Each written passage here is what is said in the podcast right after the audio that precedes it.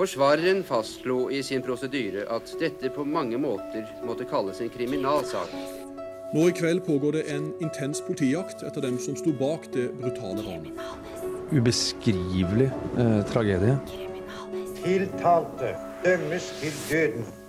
Siktelsen mot 15-åringen er skjerpet til overlagt drap. Og retten er hevet.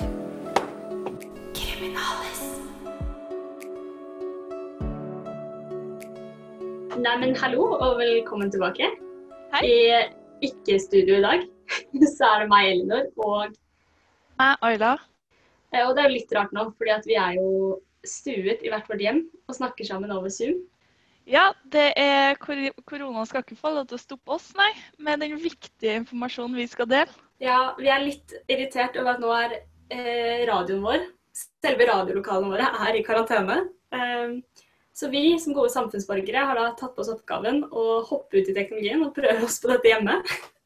Ja, sånn at eh, man må være litt obs på at lydkvalitet kanskje ikke er like godt som normalt, men vi skal da få, få det til å funke.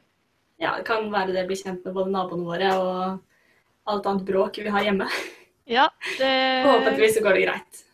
Ja, det tror jeg det gjør. Eh, I dag så skal vi jo snakke om en ganske interessant person, skal vi ikke det, Elinor? Jo, og det jeg syns er veldig spennende denne gangen, er jo at vi har faktisk noe ganske dagsaktuelt. Og det er jo ikke så ofte du får den sjansen når du ser på true crime-ting, da. Nei, det er jo, det er jo veldig aktuelt. eh, Det har du rett i. Og eh, dermed så har vi jo ikke svarene på alt i dag, men skal gi en liten personlig analyse da, av vår lille kriminale skrulle. Ja, som sagt, to skruller i studio som skal snakke om en annen skrulle. Ja, Eh, det- Og nå er dere sikkert spent. Dere vet sikkert litt allerede. Kanskje vi bare skal sette i gang, da. Ja. Sveriges største frykt. Kong Carl Gustav, can you hear me? Norges største helt. På et tidspunkt beregna som den perfekte nordmannen.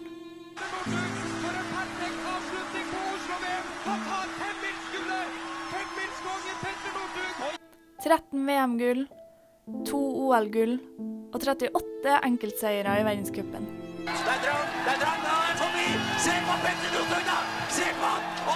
–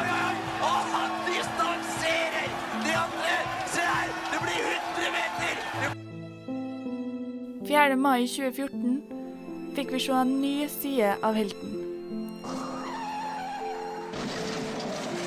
Vi fikk se at han kanskje ikke var så perfekt allikevel. Men det er sant det som sies. Når man har nådd bunnen, er det bare én vei å gå. Han kommer det! Han kommer! Northug er favoritt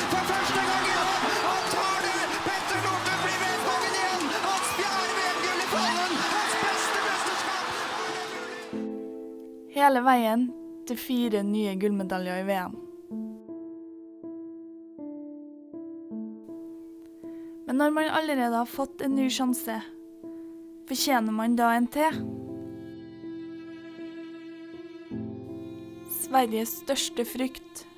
Norges største helt. Vi snakker om Petter Northug. Dere ikke allerede har skjønt det, så er dagens episode om Petter Northug. Eh, fordi hva har skjedd med han i det siste, Elinor? 13. august, som da ikke er så veldig lenge siden, så ble jo han stoppet i fartskontroll av politiet. Fordi han kjørte da i rapportert 168 km i timen i en 110-sone på E6. Så da er han altså, altså godt over fartsgrensa. I hvert fall eh, 50 km i timen. Og senere i en pressekonferanse så innrømmer han jo å ha faktisk kjørt opp i 200 km i timen i en 80-sone. Så det kan man kan trygt si at dette ikke er lov. Ja, det er jo eh, ikke lov, ja. Det står i veitrafikkloven at det er ulovlig. Det er kriminelt. så baller det seg jo selvfølgelig på etter det her òg, da. For det er jo ikke bare at han kjører fort, det er jo det at de da får mistanke om at han kjører i påvirket tilstand. Og da tar de han med bort til legevakten for å ta blodprøve. Ja, først og fremst er jo det at de tar en spyttprøve mens de stopper han, som viser positivt For, så Derfor så får jo de en idé om at han er ruspåvirka, og tar med han til legevakta for å ta blodprøve. Og det er veldig litt merkelig, for den viser jo ikke noe positivt svar. Her var kanskje media veldig tidlig ute med å påstå ting, som da i ettertid har blitt motbevist. Ja, men er det jo ikke media som har skylda for det, fordi at siktelsene han fikk med en gang, var jo kjøring i ruspåvirka tilstand fordi at den spytteprøven var positiv. Sånn at det tok jo tre-fire uker før vi fikk svar på den blodprøven der det var negativt at han ikke kjørte i ruspåvirka tilstand denne gangen. Mm. Og så er det jo fortsatt litt hva skal man si, mystifistisk hele saken. Fordi politiet finner jo da 40 000 kroner i kontant i bilen hans. Og jeg vet ikke med deg, men jeg har ikke så mye kontanter. Her jeg tror jeg kanskje har 100 kroner i lommeboka. en hundrelapp og et par enkroner maks. Ja, nei, Um, et, det er sjelden eh, jeg går rundt med 40 000. Jeg har et hull i veggen på rommet mitt da, der jeg stæsjer litt av hvert. Nei da, Ja, jeg har ikke det. Eh, Det som også er viktig å få frem her, er jo det at politiet ransaker huset hans, der de finner kokain. Ja, da har vår kjære gullgutt eh, 10 gram med kokain, som igjen ikke er lovlig i Norge. Det er ikke Nei, lov å oppbevare narkotiske stoffer. Det er også en kriminell eh, handling å ha oppbevare eh, narkotika. Og da er jo gullgutten vår nå siktet for to brudd på loven. Han har kjørt for fort, og han har oppbevart narkotika. Og senere, nå eh, 21.8, så var han jo pressekonferanse. Og der har han jo da så innrømmet at han har store rusproblemer. Eh, Han sliter med både eh, alkohol og narkotika i forbindelse med periodevis hard festing. Og jeg som eh, er en fellow trønder, eh, har jo hørt eh, rykter om at eh, festinga er hard, ja. Eh, det er både her og der og opp og ned og Han kan gå fort på ski, og han kan eh, feste bra også. Ja, det han tar gull i festing òg. gull i festing òg. Og ikke bare det, han har jo også oppgradert fra en tidligere Audi han har kjørt. Denne gangen ble han jo tatt i en Jaguar. Eh, og denne bilen har en toppfart på 322 km i timen, 575 hestekrefter og akselererer fra 0 til 100 på 3,7 sekunder. Så man kan ja. mildt sagt si at gutten gjør ting ordentlig. Ja, det er jo Men igjen så er det jo en klassisk penisforlenger. Eh, midtlivskrise og så det her, I pressekonferansen så fortalte han at det her begynte etter han la opp eh, skikarrieren. Eh, og det var jo i 2018. Så han må jo da ha fått eh, smaken på det gode liv og blitt en skikkelse i Exit. Ja, det er litt exit-vibes over hele, hele hendelsen. Det som er spennende nå, eh, med tanke på at det er en såpass ny sak, er jo hvilken straff han kan få denne gangen. For det å kjøre ja, 50 km i timen over fartsgrensen, da, det er, en, kan være en liten fengselsstraff. Det kan være betinget eller ubetinget fengselsstraff. Men det å oppbevare eh, kokain, det, da skal man sone i fengsel. Så nå er det, ja, det blir spennende å se hva, hva dommen faller på. Ja, og så er det jo også veldig spennende om hva myndighetene velger å gjøre med det jævla førerkortet. Fordi også Det er jo ikke første gangen han bryter en veitrafikklov. Nei, og det tror jeg vi skal gå litt dypere inn på. Men først en liten sang.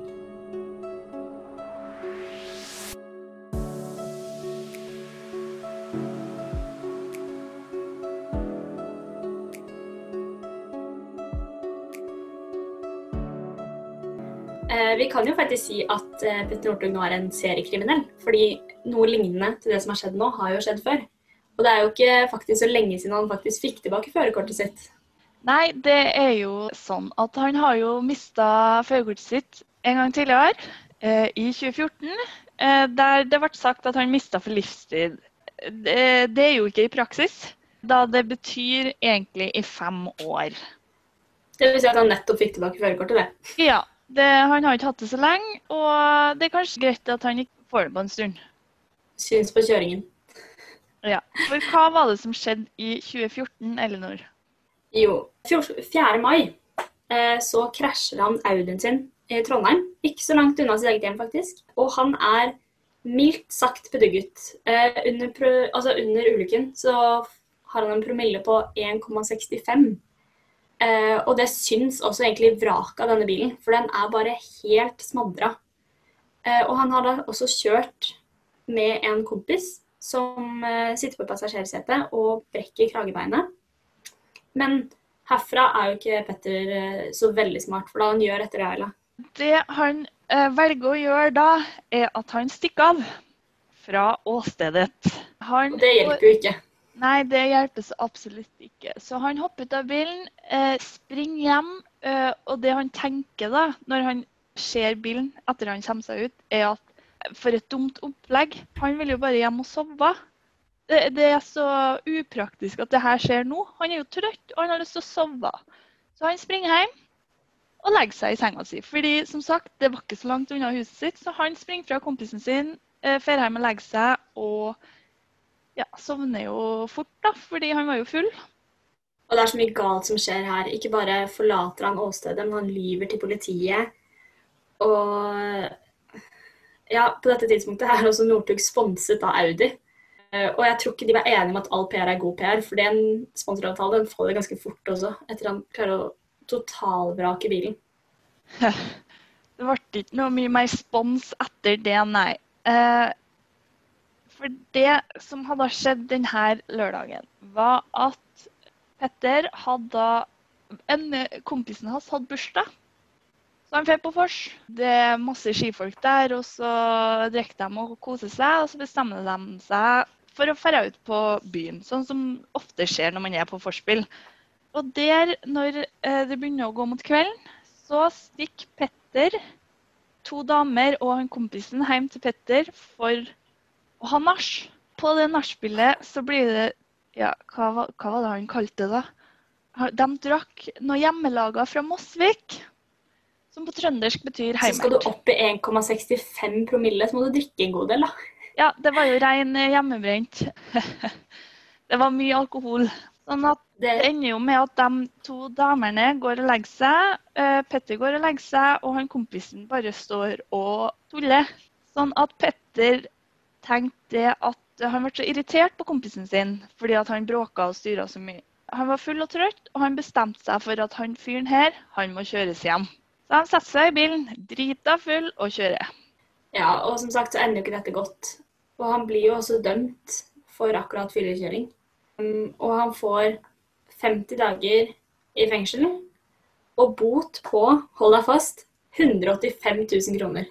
Jeg prøvde å lese meg litt opp på det her, fordi ifølge min trofaste kilde promille.no så skal fyllekjøring på over 1,2 i promille straffes med minst 21 dager, så han fikk jo dobbelt så mye og mer enn det.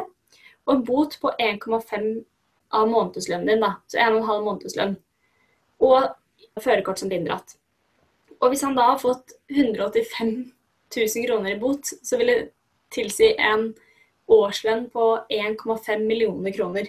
Ja, det Jeg vet ikke, Er det en mild straff? Er det en streng straff? Det er mye penger i hvert fall. Med tanke på at han eh, gjør det igjen, altså ikke fyllekjøring, da, men kjører for fort og sånn igjen, eh, så tenker jeg at det kan jo ikke ha vært så strengt. Nei, det, det, det hjalp i hvert fall ikke mot fremtidige hendelser. Det gjorde det ikke. Det var ikke så særlig Nå glemte jeg det ordet. Det gikk ikke helt som det skulle, i hvert fall. Det eh, Um, gjorde det absolutt ikke. Men han klarer å vinne folks hjerter igjen, og det skal vi også se litt på. Vi må bare høre litt til musikk før det.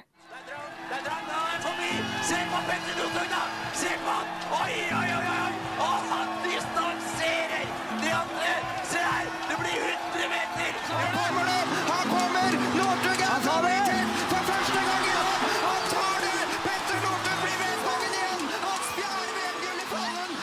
venn av eh, Northug har jo selv sagt at eh, Petter han driter i janteloven. Dette er en fyr med stort ego. Han eh, har jo også en Instagram-konto som heter Janteloven. Sånn at det at han gir blaffen, det vises jo på lang vei. Han har en personlighet som skrik er best'. Men det er jo kanskje innafor òg, når han er best. Han har vært best, han har vunnet masse verdensmesterskap. Det sier jo litt om egoet hans, da, at han tør å innrømme at 'jeg er best'. Det er jo mange ting som på en måte bygger opp under egoet hans. Blant annet i denne perioden under skaden så har jo salget av Northug- Northug-produkter bare økt. Det er jo også måten å på en svenskene på som blir applaudert i media, og så får masse creds for det. Men det er jo ikke bare ego som driver deg frem til et OL-gull. Skal du ha et OL-gull, så må du også være god. Du må også legge i arbeidet, du må også legge i treningen. Uh, vi kan jo godt si at han har trent eh, ganske masse. Og det starta jo også fra en ekstremt tidlig alder. Og når jeg leste biografien hans, boka hans, så fikk jeg inntrykk av at han eh, sleit med tvangstanker fra veldig, veldig, veldig ung alder. Og alt handla om trening. Så han setter jo treningsnarkomanbegrepet veldig på spissen. Det er ekstremt mye trening. Eh, Hvor mye trening er det snakk om? Er det liksom Det, Hvordan har han fått treningsnarkomanbegrepet på seg? det var fra han var ung av, barndommen, fra han var sånn sju-åtte år, så laga familien og skolen en plan om at 20 minutter i hver skoletime skulle han få lov til å gå ut for å trene. Situps, pushups, eh, løping, det som var. Fikk han ikke lov, så sa han at han måtte på do, og gikk i et bøttekott og trena der i 20 minutter. Sånn at det at foreldre og skole blir enige om at du får lov til at en gang i timen får du 20 minutter til å gå ut og trene. Fra han var sju år. Jeg skulle ønske jeg hadde den motivasjonen til trening. Jeg trener ikke 20 minutter hver time, for å si det mildt. Nei, jeg trener ikke 20 minutter i uka engang, så det er jo Det er jo greit. Men um, det her videreutvikla seg jo til å bli skikkelig usunt fokus på trening. Det var sånn at når han skulle gå hjem fra skolebussen om dagene, så måtte han opp en to kilometer lang bakke eh, med sånn veipinner. Der han, han måtte han, når han gikk hjem, springe opp bakken på to kilometer. Der to lengder skulle han holde pusten, mens én eh, lengde pusta han. Og så på nytt. De to neste lengdene holdt han pusten. Og når man er da sju til elleve år og holder på sånn der, så altså, Det er jo altomslukende. Du har jo ikke tida eller mulighet til å lære deg noe annet enn hva å trene. Det er jo ekstremt usunne holdninger til trening også. Å holde på slikt og liksom alltid kjøre seg til ytterste punkt hele tiden er jo heller ikke det beste for kroppen.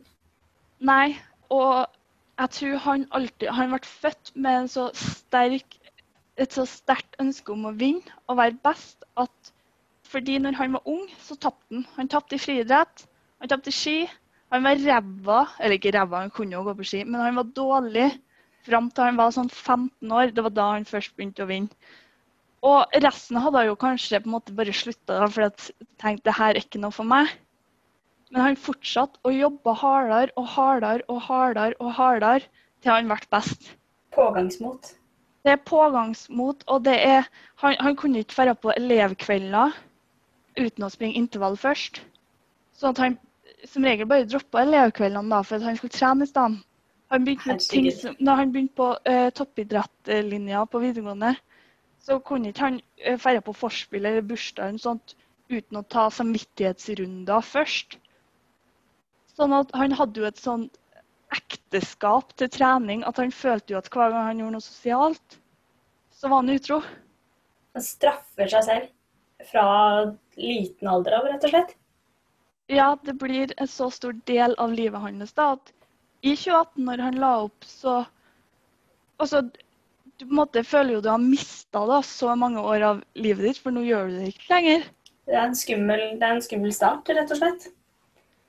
Og å gå inn i det her, ja, som du sa, fra man er sju år. Ja, det har jo vært livet hans i mange, mange år. Sånn at det å fylle dagene med noe annet, det er jo kanskje ikke så rart at det skjer. Man fyller kanskje med litt feil ting, men eh, vi, vi ser hvor det kommer fra.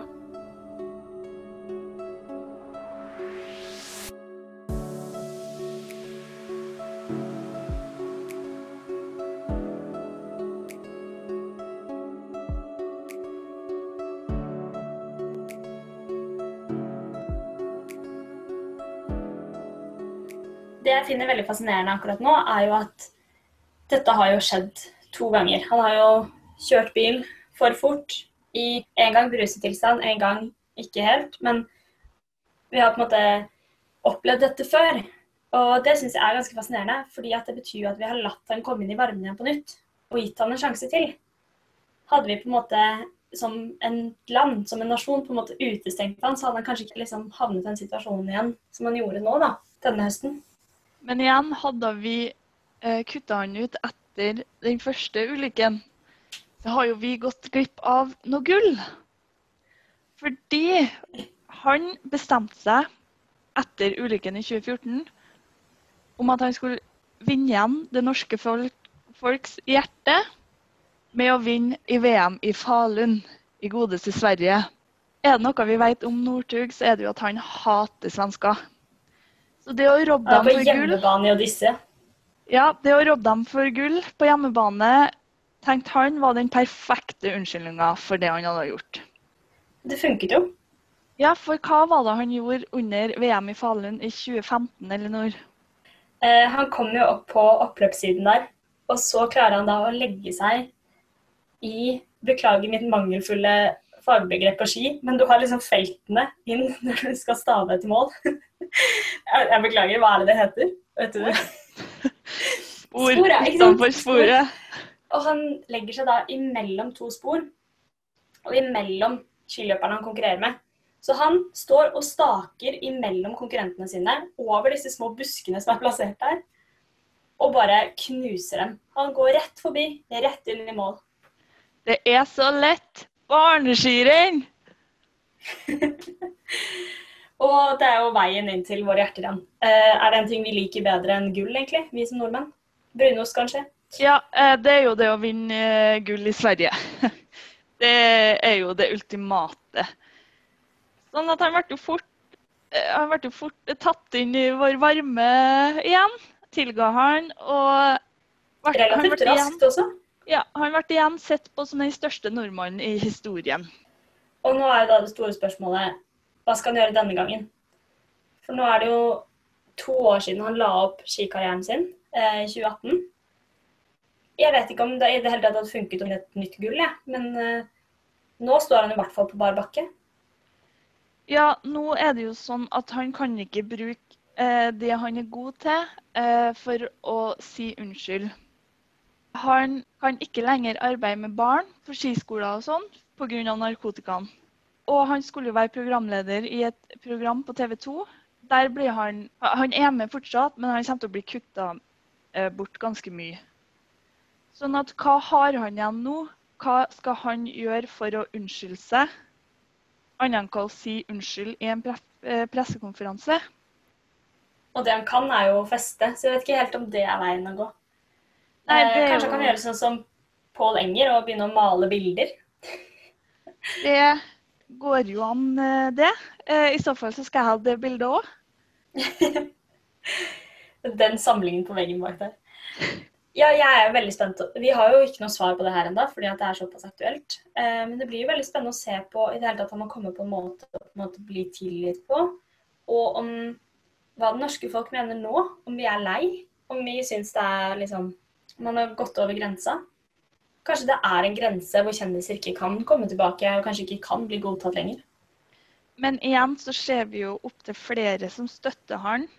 Du ser kronikker, innlegger på Facebook, eller i hvert fall jeg som har mange trønderske venner, ser jo det at alle skriver støtteerklæringer på Facebook om at ja, du gjør en feil, og, men du er jo selveste Petter Northug.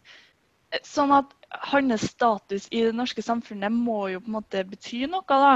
Han, eh, han redder seg enda inn med at han har vært så jævlig god på ski. Altså, han lever fortsatt på navnet sitt. Han lever fortsatt på navnet sitt. Og, og jeg tror det at fordi at han fikk jo herse med svenskene det han ville. Noe var gøy, og noe var direkte mobbing. Og Norge, norske folk tok han aldri på det heller. Det var bare gøy å plage svenskene. Jeg tror jo at dette er noe som kommer av at han har vunnet da 38 enkeltseier i verdenscupen, 13 VM-gull og to OL-gull. Og da får du jo bygd opp et lite ego. Ja, det er jo Han var jo også den eh, yngste som vant eh, NM, tror jeg det var. Sånn at han, han er jo en del av den norske historien. Og jeg tror vi nordmenn er så nasjonalistiske av oss at ja, litt fyllekjøring og litt eh, kjøring for fort og sånn, det har ikke så mye å si når du har vunnet så mye gull. Nei, akkurat der lukker vi øynene og snur oss vekk. Ja, det heia Norge all the way, og gjør du noe dumt, så får du deg et liten smekk på armene, og så er vi ferdig med det. Heia Norge. Heia Norge.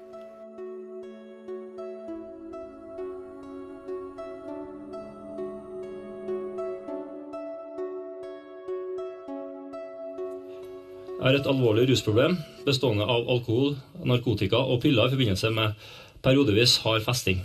Og det har blitt mye hard festing i det siste. Det innrømmer Northug på pressekonferansen. Det er kanskje også det dere har sett slått opp i alle aviser og alle linker. Ja, rett og slett at han nå innrømmer disse store rusproblemene sine. Hva tror du det kan komme av, Ella? Eh, hva problemene kommer fra, eller hvorfor han innrømmer det? Mest rusproblemene. Jeg tror jo, og det sier han jo òg i den pressekonferansen, at det begynte etter han la opp skikarrieren. Det var da det ble ille. Og det tror jeg kan ha noe med å gjøre at han har et helt sinnssykt jag etter adrenalin. Det å føle at, at du har adrenalinet, at du lever litt, jeg tror han, har, han elsker det, rett og slett. Det er alt som betyr noe. Ja, det er jo kanskje noe veldig mange idrettsutøvere er vant til å ha i hverdagen sin, og så blir det plutselig tatt fra deg. Hvis du går fra å trene så intenst og du går fra å vinne masse gull til å plutselig sitte på sofaen da, og ikke få den mestringsfølelsen lenger. Det er jo også sånn at for å vinne gull, så må man trene. Man må legge inn jobben. Man må bruke tid, lang tid, på å bli så god.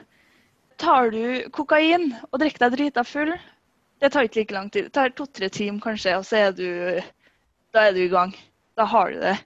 Sånn at det er jo en veldig enkel utvei når du savner adrenalinet. Det å kjøre fort, det å drikke alkohol og det å ta narkotika. Eh, kokain er jo kanskje et eh, altså koster jo mindre gull, da, rett og slett. Det gjør det. Og så er det jo det, er jo, det er jo dyrt, da, for eh, kokain. Men igjen så kan vi jo si det at eh, Northug har sikkert en god del cash i bok. Han innrømmer også bl.a. i pressekonferansen at han til tider har tatt eh, narkotiske stoffer opptil fem ganger i uken uten at det har vært en veldig økonomisk belastning. Og det sier jo sitt, da. Ja, og det sier jo også litt hvor ofte han tar det. Hvor mye han faktisk savner det å gjøre noe, da. For jeg vil jo tro at han trener jo fortsatt. Men det er ikke det hardkjøret som var mens han var aktiv. Nei, Det er jo en helt annen hverdag nå. Og han innrømmer selv at han bruker kokain som den jakten på kick. da. Men da er det jo et litt større spørsmål. Når idrettsutøvere blir på en måte fratatt denne, ja, denne hverdagen, dette adrenalinet, denne mestringsfølelsen, hvem er det på en måte som har ansvar for å passe på han? Hvem er det som skal stå der når ja, han faller sammen og begynner å feste og fyllekjøre? Ja, det vi må tenke på da, er jo det at hele livet hans fra han var ung, har jo handla om trening. Det å gå på ski. Det å bli god på ski. Sånn at når det ikke er en del av det dagliglivet lenger, så må han jo begynne å fylle dagene med andre ting. Sånn at Skal den skylda, da, eller skal det ansvaret for å passe på han da ligge på foreldrene? Skal det ligge på han, som kanskje ikke er sånn kjempegodt utvikla, jeg vet ikke, jeg har aldri prata med han? Eller skal det være Olympiatoppen, som har vært så god på å presse han og presse han og presse han, til de på en måte bare De brukte han og kasta han litt, da. Sånn at hvem har ansvaret for å passe på Northug når han er ferdig med det idrettslivet, da? Og jeg synes Det er et godt poeng det du sier med Olympiatoppen, som på en måte ja, har brukt han, og med en gang det ikke passet dem lenger, så lar de dem bare gå. At liksom De står jo også til grunne for problemer som har oppstått nå, og kanskje Kanskje de vet om dette, kanskje de vet at dette er noe som kan skje, og så har det bare tilfeldigvis bare ikke vært så stort utbredt problem. da. Du har liksom Marit Bjørgen, da, som i stedet bare fikk seg en kid, og det største ruset hun driver med, er liksom bleieskift. Men så får du plutselig Northug, da, og da kan de trekke fra seg alt det ansvaret og bare lene seg tilbake og si nei, men han la opp for to år siden. Han er ikke vårt ansvar lenger. Og så igjen kan man jo argumentere at Northug er en voksen mann, han har ansvar for sine egne handlinger. Men hvordan vet vi at han ikke, at han ikke vet bedre? Med tanke på at han gjør en feil to ganger, så må det jo være noe som mangler, da. Det må være noe han ikke har forstått. Han mangler jo tydelig et nettverk. Han mangler jo noen å lene seg på, og, og noen som kan vise han nye veier og nye retninger. Og han har jo ikke blitt oppdratt til kanskje en sånn normal hverdag med nine to five-jobb og hente barnet i barnehagen. Altså, det er ikke noe han har innblikk i. og Det er kanskje ingen som viser han det heller. Nei, det, det store spørsmålet er jo hvem eh, som har ansvaret her. Men det har jo kommet fram i media nå etter eh, den siste saken her nå, der Olympiatoppen stiller med rådighet for psykologer og hjelp og det som er. Og det kan vel kanskje si litt om samvittighetsfølelse. Eller det behovet på en måte for å vise at de er der ennå, da. Og ikke miste ansikt. Det kan, kan jo også fort være fordi at det har gått så gærent at de på en måte må steppe inn nå. da. At nå er det litt sånn Oi, ops, ja, da prøver vi å feie opp dette etterpå. Det er ikke en lett situasjon uansett, og det er jo tydelig at han trenger hjelp. Ja. Men så syns jeg også samtidig at vi ikke kan legge alle skylda på foreldrene eller Olympiatoppen, for som sagt, han er en voksen mann. Det er ikke vanskelig å forstå at et 110-skilt på veien betyr 110 km i timen, og ikke 168. Ja. Noen menn blir ikke voksne før midtlivskrisa.